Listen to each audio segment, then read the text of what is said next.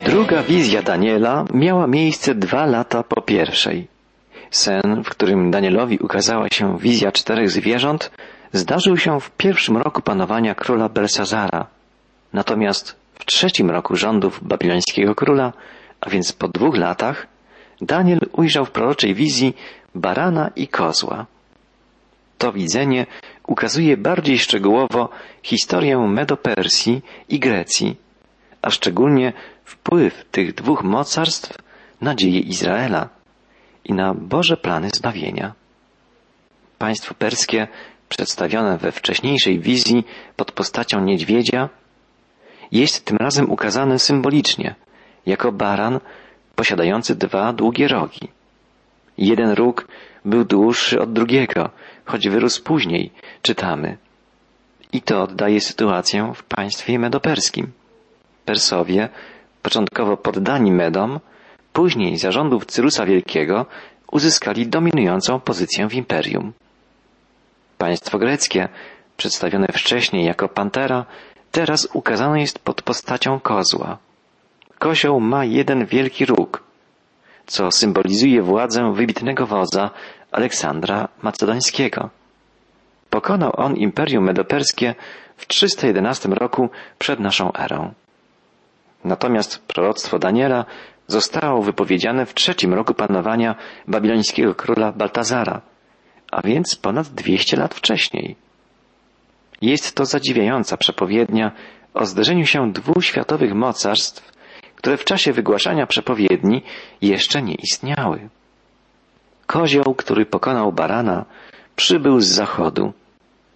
Konflikt pomiędzy Grecją i Persją był konfliktem pomiędzy potęgą wschodu i zachodu, pomiędzy siłą Azji i Europy. Wraz z upadkiem Persji zakończył się czas dominacji potęg orientalnych, imperiów wschodu. Na arenę historii wkroczyły mocarstwa zachodnie, najpierw Grecja, a potem Rzym. Możemy zadać sobie pytanie, dlaczego kolejna wizja Daniela zawiera historię już niejako przedstawioną w poprzedniej wizji, w wizji czterech zwierząt, gdzie Persja i Grecja ukazane były jako drugie i trzecie zwierzę, czyli jako niedźwiedź i pantera. Otóż teraz przebieg konfliktu pomiędzy Persją i Grecją zostaje ukazany bardziej wyraziście i bardziej szczegółowo. A przede wszystkim uwypuklone jest tu znaczenie tego ścielania się sił wschodu i zachodu dla narodu żydowskiego. Sygnalizuje to już sama szata językowa przekazywanej nam opowieści. Tekst biblijny powraca do wersji hebrajskiej i tak będzie już do końca księgi. Poprzednie rozdziały od drugiego do siódmego zapisane zostały w języku aramejskim.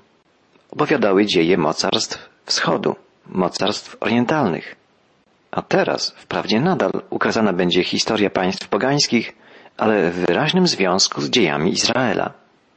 Po pierwsze, za panowania Medopersji Izraelici powrócą do ziemi ojców, ziemi obiecanej, a za rządów Grecji zwłaszcza zaś za panowania Antiocha Epifanesa, Jerozolima i świątynia zostaną zbezczeszczone.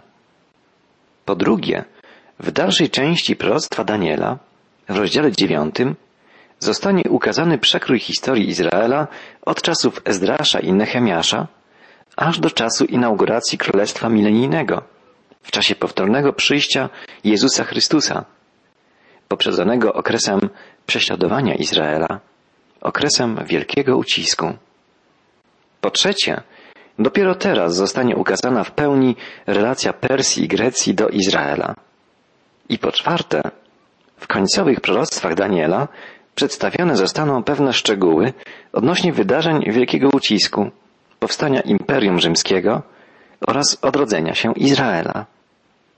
Są to główne powody, dla których pewne obrazy dotyczące wielkich wydarzeń historycznych zostają powtórzone, choć zmienia się symbolika, a także główne przyczyny, dla których ostatnie rozdziały Księgi Daniela zostały zapisane w języku hebrajskim.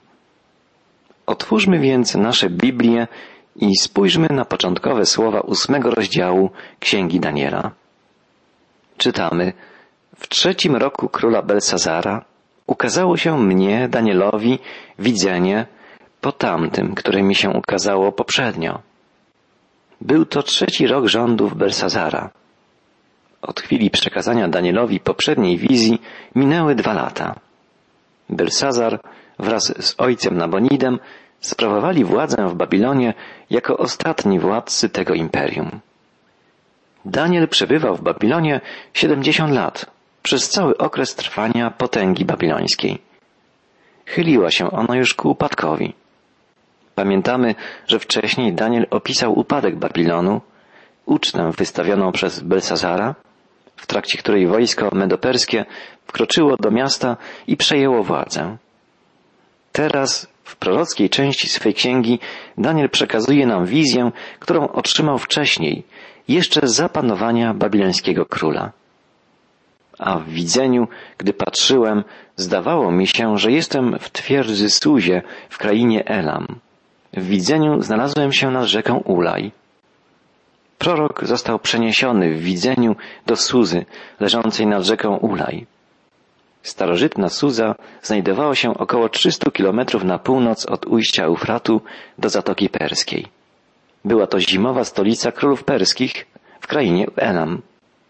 Prorok znalazł się więc w widzeniu w stolicy mocarstwa, które wkrótce miało objąć panowanie nad światem.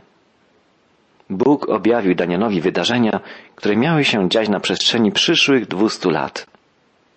Proroctwa Daniela wypełniły się tak szczegółowo, że jest oczywiste, iż mogły pochodzić tylko od wszechwiedzącego Boga, Pana historii. Posłuchajmy słów Daniela. A gdy podniosłem oczy, widziałem, a oto baran stanął na brzegu rzeki. Miał dwa rogi. Oba rogi były długie, lecz jeden był dłuższy od drugiego, a ten dłuższy wyrósł później. Widziałem, jak baran budł na zachód i na północ i na południe, a żadne zwierzę nie mogło mu się oprzeć i nikt nie mógł wyratować z jego mocy. Robił co chciał i był coraz silniejszy. Baran miał dwa rogi, co oddaje symbolicznie związek dwóch narodów, Medów i Persów, zjednoczonych w jedno imperium. Najpierw dominującą rolę odgrywali w tym federacyjnym państwie Medowie. Potem silniejsi okazali się Persowie. Władzę w imperium objął Cyrus Wielki, który doprowadził Medopersję do szczytu potęgi.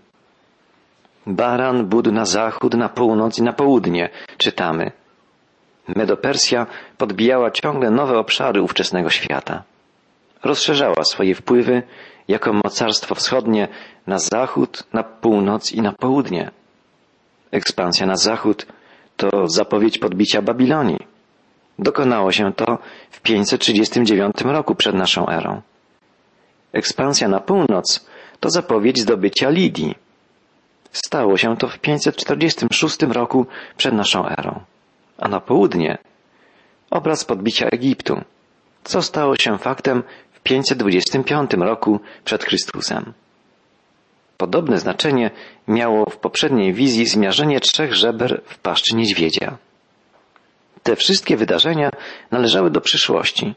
Miały się dokonać na przestrzeni dziesiątek lat. Dlatego nie dziwi nas to, że Daniel zaczął rozmyślać nad treścią objawionej mu wizji. Czytamy, jak świadczy dalej. A gdy nad tym się zastanawiałem, oto nadszedł kozioł z zachodu po powierzchni całej ziemi nie dotykając ziemi. A ten kozioł miał między oczami jeden róg. Kozioł przychodzący z zachodu to oczywiście symbol Grecji, a jego róg to zapowiedź pojawienia się genialnego wodza Greków Aleksandra Macedońskiego, zwanego Wielkim. Wojska Aleksandra przemieszczały się tak szybko, że zaskakiwały przeciwników swoim pojawianiem się w nieoczekiwanym miejscu i w niespodziewanym czasie. Ten fakt oddaje obraz kozła nadchodzącego z zachodu tak szybko, że sprawiał wrażenie, iż nie dotykał ziemi. Ciekawą rzeczą jest to, że w zapiskach historycznych na długo przed Danielem Grecy byli nazywani ludem kozła, a morze otaczające Grecję nazwano Morzem Egejskim, czyli Morzem Koźlim. Kozioł wizji Daniela z całym impetem natarł na barana. Czytamy, a gdy przyszedł do barana mającego dwa rogi, którego widziałem na brzegu rzeki, uderzył na niego z całej siły. I widziałem, jak natarł na barana, a rozjuszywszy się nań, uderzył na barana, złamał obaj jego rogi, a baran nie miał siły, by mu sprostać. I rzuciwszy go o ziemię, zdeptał go, a nie było nikogo, kto by wyrwał barana z mocy kozła. Grecja rozprawiła się z Persją, mimo że Persja dysponowała potężną armią. Król Xerxes był ostatnim wielkim wodzem perskim, który wyprawił się przeciwko Europie, przeciwko Grecji. Szedł na czele potężnej trzystutysięcznej armii. Grecy okazali się niezwykle przebiegli. Nie wyszli naprzeciw perskiej potęgi. Nie stanęli naprzeciw ogromnej armii na otwartym polu. Czekali na Persów, aż wkroczą w góry. Kilkuset tysięczna armia perska musiała przeprawić się przez wąski przesmyk górski pod Termopilami. Tam nie można było rozwinąć szyków, by wykorzystać przewagę liczebną.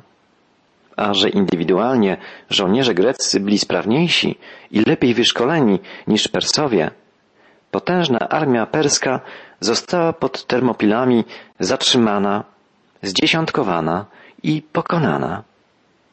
Nie udał się też atak Xerxesa drogą morską. Potężna flota perska, licząca 300 jednostek, została pod Salaminą w dużym stopniu zniszczona przez sztorm i nie była w stanie pokonać greckiej floty ani wesprzeć swoich wojsk lądowych. Xerxes, doprowadzony tak wielką klęską do wściekłości, wpadł w furię i bił fale morza swoim pasem, jakby chcąc wyładować swój gniew na siłach przyrody, które pokrzyżowały mu szyki. Była to ostatnia wyprawa Persów na zachód. Potem to oni musieli się bronić przed wzrastającą potęgą Greków. Aleksander Wielki był niezrównanym strategiem i genialnym wodzem. W ciągu kilku lat podbił cały ówczesny świat, a jego imperium sięgało aż po Indię. Tradycyjny przekaz mówi, że pewnego dnia usiadł i zaczął szlochać, że nie ma już innego świata do podbicia.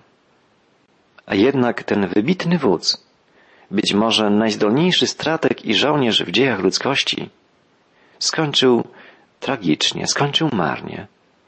Zapowiedział to prorok Daniel. Czytamy w ósmym wierszu ósmego rozdziału takie słowa. A kozioł wyrósł bardzo, a gdy najbardziej spotężniał, złamał się wielki róg i na jego miejscu wyrosły cztery inne rogi na cztery strony nieba. Gdy Aleksander znajdował się w szczytowym punkcie swej kariery, a jego imperium osiągnęło apogeum potęgi i sławy, nagle życie Aleksandra zostało przerwane. Zmarł w Babilonie w czasie pijackiej libacji, mając zaledwie 33 lata. Stało się to w 323 roku przed Chrystusem. Tragiczny i żałosny był koniec największego w historii wodza. Jego śmierć, spowodowana nadużywaniem alkoholu, nie była jednak czymś wyjątkowym. Przeciwnie, możemy powiedzieć, że Aleksander znalazł się w dobrym towarzystwie. Pamiętamy opis wielkiej uczty wystawionej przez babilońskiego króla Belsazara. Uczta przemieniła się w hulaszczą pijacką libację i tej nocy Belsazar zmarł, a Babilon upadł, zdobyty przez wojska Medów i Persów. Jednak na dworze perskim także urządzano wielkie uczty, w czasie których wypijano ogromne ilości wina. Wiemy o tym z relacji księgi Estery, a także z zapisów starożytnych historyków. Cyrus Wielki, najwybitniejszy władca perski, po dokonaniu wielu podbojów wycofał się z polityki i poświęcił się życiu towarzyskiemu, pełnemu pijackich libacji i dworskich intryg. Zmarł w niejasnych okolicznościach w wyniku jednej z takich pijatyk. Tak więc trzy wielkie starożytne imperia Babilonia, Persja i Grecja dotknięte były plagą pijaństwa, a przywódcy tych potęg zaprzepaszczali swój dorobek, ulegając moralnej degradacji. Wiemy, że nie inaczej było w Imperium Rzymskim. Znamy historię upadku rzymskich cezarów, uwikłanych w intrygi, starzających się w niemoralność, ginących w czasie hulaszczych uczt. Niestety, nie możemy o tym wszystkim mówić w czasie przeszłym, bo także dzisiaj wiele jest nieszczęść spowodowanych nadużywaniem alkoholu. I to zarówno w krajach najbardziej rozwiniętych, najzamożniejszych, jak i w krajach ubogich, czy w krajach o średnim poziomie życia, takich jak nasza Polska. Po raz drugi, niestety, nasz kraj znajduje się w czołówce światowej, jeśli chodzi o niechlubne statystyki spożycia alkoholu na jednego obywatela. Nadużywanie alkoholu prowadzi do samodestrukcji. Prowadzi też do niszczenia innych, rodziny, współpracowników, otoczenia. Człowiek uzależniony od alkoholu staje się pasożytem. Nie jest w stanie we właściwy sposób pracować, ani opiekować się rodziną. To raczej on potrzebuje opieki, pomocy, bo alkoholizm to choroba. Największym problemem jest jednak to, że niewielu alkoholików przyznaje się do nałogu i bardzo niewielu chce się leczyć. Wraz z alkoholikiem choruje i cierpi jego rodzina. A gdy takich rodzin jest wiele, tak jak ma to miejsce w naszym kraju, choruje całe społeczeństwo, cały naród.